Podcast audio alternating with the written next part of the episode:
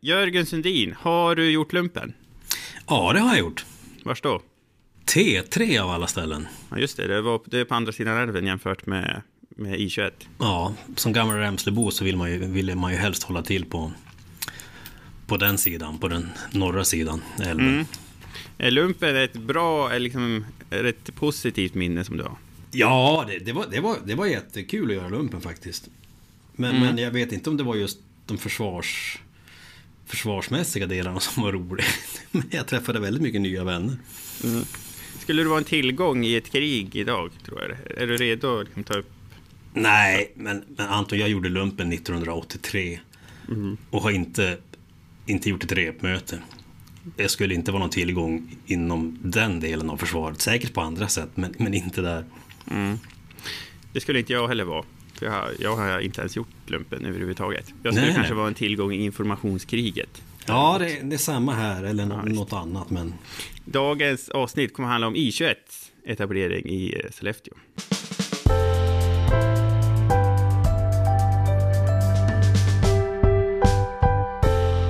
Då så, då är det avsnitt 9 av podden Ångermanland med mig Anton Karén, en nyhetspodd från den redaktion som är bäst i världen på eh, Ångermanland. Jag fick ett syrligt sms av min morsa angående det där eh, häromdagen. Jag ska ta och läsa det där för dig, Jörgen. Eh, hon skrev så här. Hej redaktionen som kan Ångermanland bäst. Skriver ni något om Resele som gått vidare i Vi femman? Vad jag förstår är det bara Resele i hela Ångermanland som har gått vidare. Och sen så skrev hon vidare. Förr i världen skrev man varje gång de tävlat och vunnit kul att de vann i alla fall. Resele vann ju kvartsfinalen i V5 alltså. Ja, det har jag nog hört talas om. Jag är osäker ja. på om vi har skrivit om det. Nej, det har vi inte. Varför, varför har vi inte gjort det? Hur svarar du på den kritiken från ja, din mamma? Det, det var, eftersom det kom från din mamma så måste man ju försöka hitta på ett bra svar. Hitta på eh, ett, ett förbiseende. Köp, köper man det eller? ja. Ja, jag vet inte. Jag sa att när de går till, om de går lite längre så kanske det kommer vi, med. Vi, vi skrev ju om dem att de, att, att de hade kvalificerat sig för tävlingen och eh, uppmärksammade dem då. Det minns jag väldigt tydligt. Sen mm. vet jag inte när själva tävlingen var faktiskt. Nej, det, var... det, är ju, det är ju några konkurrenter som arrangerar den här tävlingen så vi är ju inte lika på som arrangörerna om jag säger så. Nej, visst, det är eh, Sveriges Radio, P4 Västernorrland, ja. som anordnar det där. De eh, tävlar, ja, vi, det är inte, ja, skit i det kanske, men de tävlar om en halvtimme så är det semifinal. De möter Resele, äh, en, en skola från Sundsvall. Okay. Äh, det är Jörgen Sundin som är reporter i Sollefteå som är dagens gäst i podden. Välkommen! Tack för det! Du sitter i Sollefteå, jag sitter i Kramfors. Det är mm. onsdag den 30 mars. Klockan är 09.27 just nu. Eh, det är god stämning i Sollefteå överlag och den goda stämningen den beror på att Sollefteå ska få tillbaka det regemente som togs ifrån dem då Sveriges försvar nedmonterades efter kalla krigets slut. Men nu så är det krig i Europa och eh, då så skulle ju Sveriges försvarsmakt förmodligen vilja ha ett färdigt regemente där de skulle kunna spotta ut hundratals värnpliktiga på en gång. Men det kan de inte. Hur påverkas I21 etablering av kriget i Ukraina? Det är Jörgen.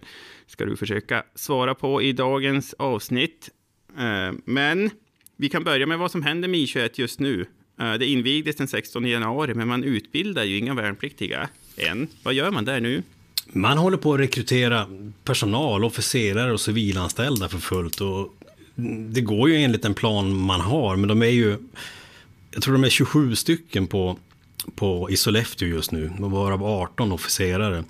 Så det är ju inte liksom någonting att räkna med om, om, eh, om det skulle bli krig i, i, här hos oss imorgon. Det finns ju inget färdigt, ingen färdig bataljon här Nej. i Sollefteå än.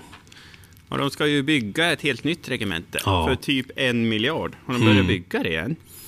Nej, de håller på och eh, projekterar och tar fram ritningar på det där just nu.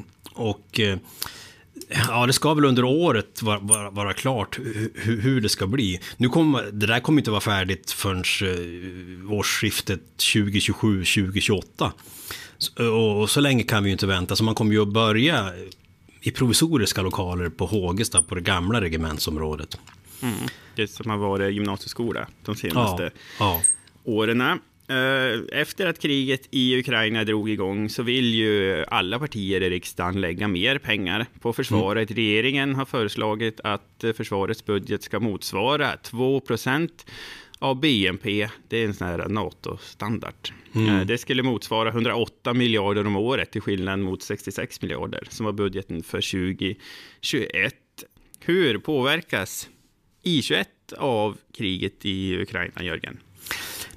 Det vet vi ju inte riktigt än, men ÖB har ju själv sagt, och det sa han även till oss när, när jag träffade honom, att, att, att eh, han tror ju att man, ska, att man måste, eller man ska ju bygga ut försvaret ytterligare. Då ska man tänka på att det man gör just nu är den största upprustningen av försvaret sedan 50-talet. Men nu skjuter man ju till ännu mer pengar och ÖB säger ju då att man ska, man ska utveckla och bygga ut befintliga garnisoner och garnisoner som man håller på att bygga upp, det vill säga i21 här i Sollefteå. Så det finns ju inga beslut fattade, men mellan raderna hör man ju både från folk på I21 och, och politiker att det kommer ju att bli större än, de, än vad man har beslutat. Mm. För hur stort, kommer det, hur stort kommer det vara enligt beslutet? Eh, man kommer ju ha 100 anställda i Sollefteå och man ska utbilda 150 värnpliktiga om året enligt originalbeslutet. Sen ingår ju, eller Jämtlands fältjägare i Östersund ingår ju också i, i I21, eller det styrs och leds från I21 och där ska man vara 50 anställda och utbilda 100 värnpliktiga om året. Så att det är ju 250 värnpliktiga om året. Men eh, det, det, det, skulle, det kan mycket väl bli väldigt många fler. Varför tar man inte bara och snabba på då? Alltså vad är liksom, vad är det som står i vägen? Fråga, fråga politikerna. Nej, man måste ju nu har man bestämt sig för att skjuta till en massa mer pengar. Men var, exakt var ska de skjutas till och hur ska de, hur ska de användas? I21 säger ju själva att de kan ju utbilda de kan ju snabba på takten av etableringen. De kan utbilda fler, men då måste man ju få de medel och resurser som, som behövs. Det är ju inte bara liksom att ta emot 50 värnpliktiga till om man inte har, har resurser till det. Mm. Så det behövs ändå någon form av politiskt beslut. Och ett sånt beslut, det kan nog komma snabbare än vi anar. Ja, stämningen är lite så, eller hur? Ja, det är den. Alla, jag vet, lokalpolitiskt mer eller mindre förväntar man sig ju att I21s etablering ska bli större än vad den har varit, än, än ursprungstanken. Mm. Men värnpliktiga, det börjar man, alltså de första kommer väl tas emot till hösten i augusti. Hur många yeah. är det som, som kommer utbildas då? Då kommer 25 stycken. 25 stycken, mm. det låter lite. Jättelite, men det är vad man klarar av då i de provisoriska lokalerna. Men, men redan året därpå så mer, mer än fördubblas ju det. Och inom ett par år så ska man vara uppe på 150. Mm. Vad är det de får för utbildning? Alltså, vad, de det, är ju, det är ju ett I21 infanteriregemente. Så det är ju infanterister, de som står längst fram i, i skottlinjen. Mm -hmm. Alltså vadå, de som är... Att man blir bra på att skjuta? Ja, det blir man. För det, det var ju två regementen i Sollefteå. Ett terräng i infanterirasen T3, där du gjorde lumpen. Terrängregemente. Då var man mer... Vad gjorde man på terrängregemente då? Ah, underhåll, logistik. Jag minns jag satt och körde lastbil ett år. Det var ju rätt trevligt. Mm. Ja. Någonting jag inte har gjort sedan dess för övrigt.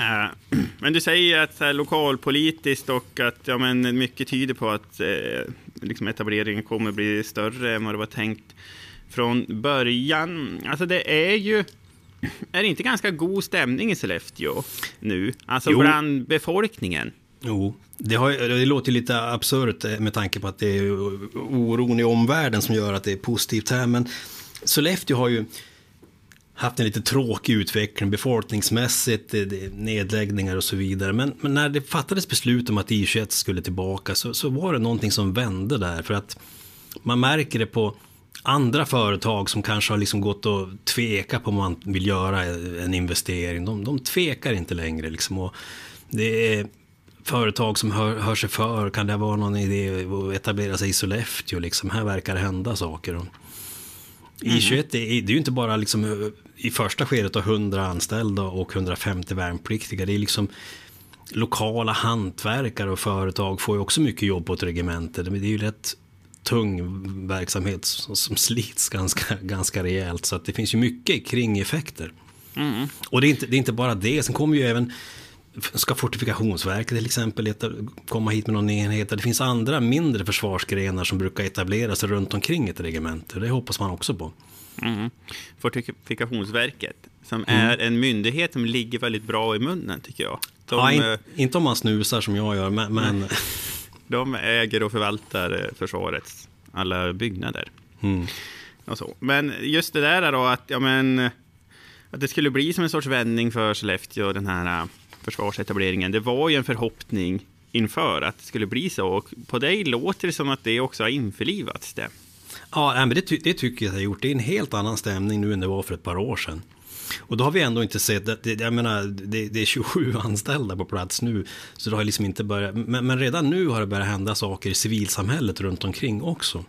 Du har ju träffat folk som har varit och flyttat hit också, mm. eller till Sollefteå, för att jobba på regemente, eller hur? Jajamän, flera stycken. Mm. Till exempel Fredrik, som, ja. Var flyttade han ifrån? Från Umeå? Han kom från Umeå, han är egentligen Örnsköldsviksbo i grunden. Men, eh, men slog sig på den eh, militära banan och då ja, fick han jobb i Boden, men han tyckte det var väldigt långt ifrån Ångermanland. Alltså. Och när det då dök upp ett regemente i Sollefteå, då, då, då, sökte han direkt dit. Och han tycker att han har kommit hem när han hamnade på I21 i Sollefteå. Kommer hem till Ångermanland igen. Och jag har trä träffat andra också, eh, några alltså gamla, folk som jobbade på I21 en gång i tiden som har gjort comeback. Ja, alltså hur känns det för dem då? För alltså, du, du har jobbat på tidning sjukt länge. Hur länge har du mm. jobbat på tidning? Eh, sen slutet på 80. Ja. Eh, och du var, ju, du var ju med då när de la ner regementena, först T3 och sen I21. Det tog ja. sig inte emot så positivt. Men hur, är, liksom, hur känner de här nu när de får komma tillbaka 20 år senare? Jo, de, de, de är jätteglada. Nu, en del har ju fortsatt sin militära karriär på andra ställen och för dem är det ju bara att komma tillbaka. Andra har ju liksom lämnat det militära och för dem är det inte lika lätt att komma tillbaka. Då måste man utbildas igen för försvaret arbetar inte på samma sätt idag som man gjorde 99. Nej. Utan, och så att det liksom, man kan inte om man var officer då bara gå in och jobba igen utan då måste man vidareutbildas. Men det, det, de är ju jätteglada. Alltså det, de säger själva att det är någon typ av nybyggaranda på I21 för man får ju bygga upp någonting från grunden. Mm. Så, så att det är väldigt skön stämning där faktiskt. Sen måste man också säga att den här att man bygger ett helt nytt regemente, alltså för en, en miljardsatsning.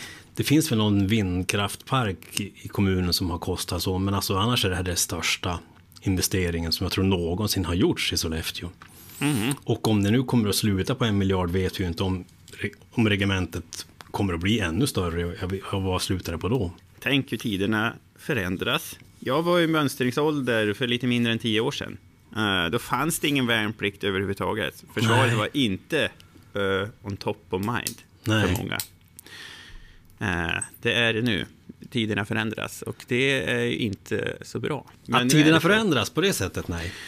Nej, inte till det här läget att vi mm. nu är oroliga för vår eh, säkerhet på det mm. viset. Mm. Nej, det är ju inte alls kul. Man slukar ju nyheterna varje dag. Alltså, det är ju, tyvärr går det ju rutiner det där. I de första veckorna så kollar jag nyheterna kanske fem, sex gånger om dagen. Nu gör jag det på morgonen, mitt på dagen och på kvällen.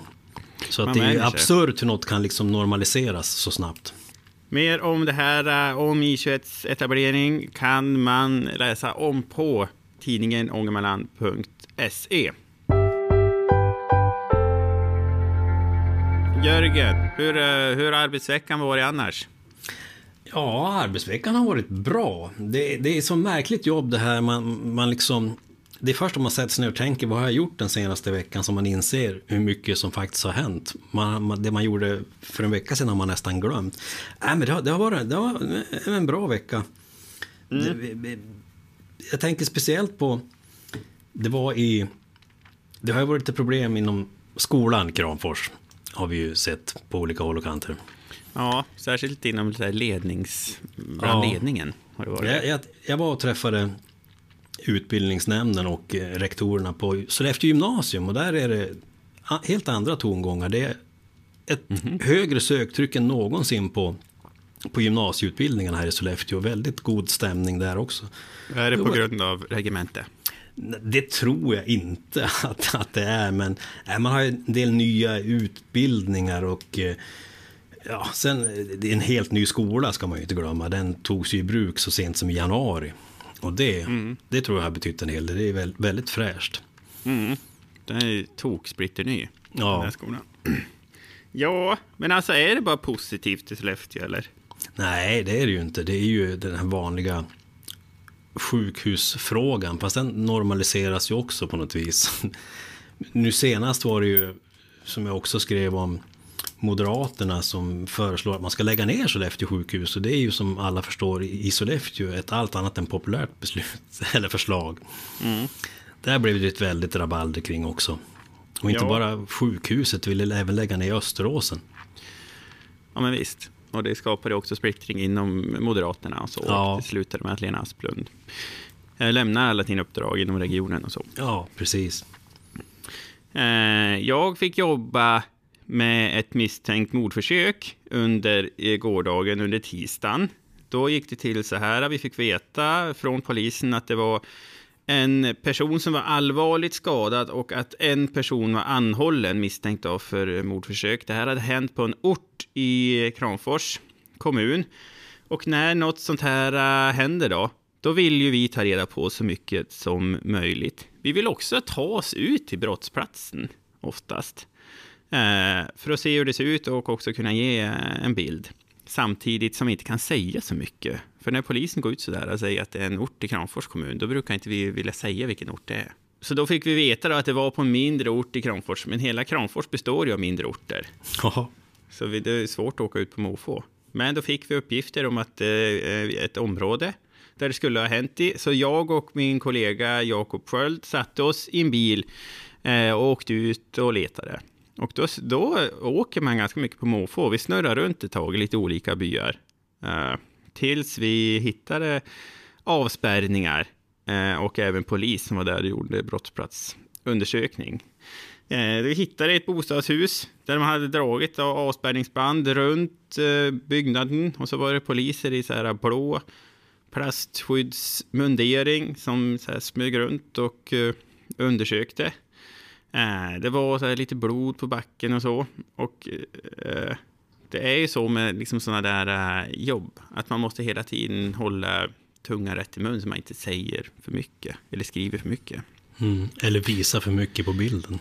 Eller ja, framförallt det, inte visa, för då vill man vill i, i ett sånt tidigt skede, då vill man inte visa vart det är någonstans. Sånt där har du gjort mycket, Jörgen. Ja, Leta och, brottsplatser. Ja, och jag, jag, antar att ni också känner den här glädjen när man äntligen ser några avspärrningsband och inser att man till slut Oj, shit, jag har kommit fram, jag kom rätt. Mm. För det är inte alla gånger man gör det faktiskt.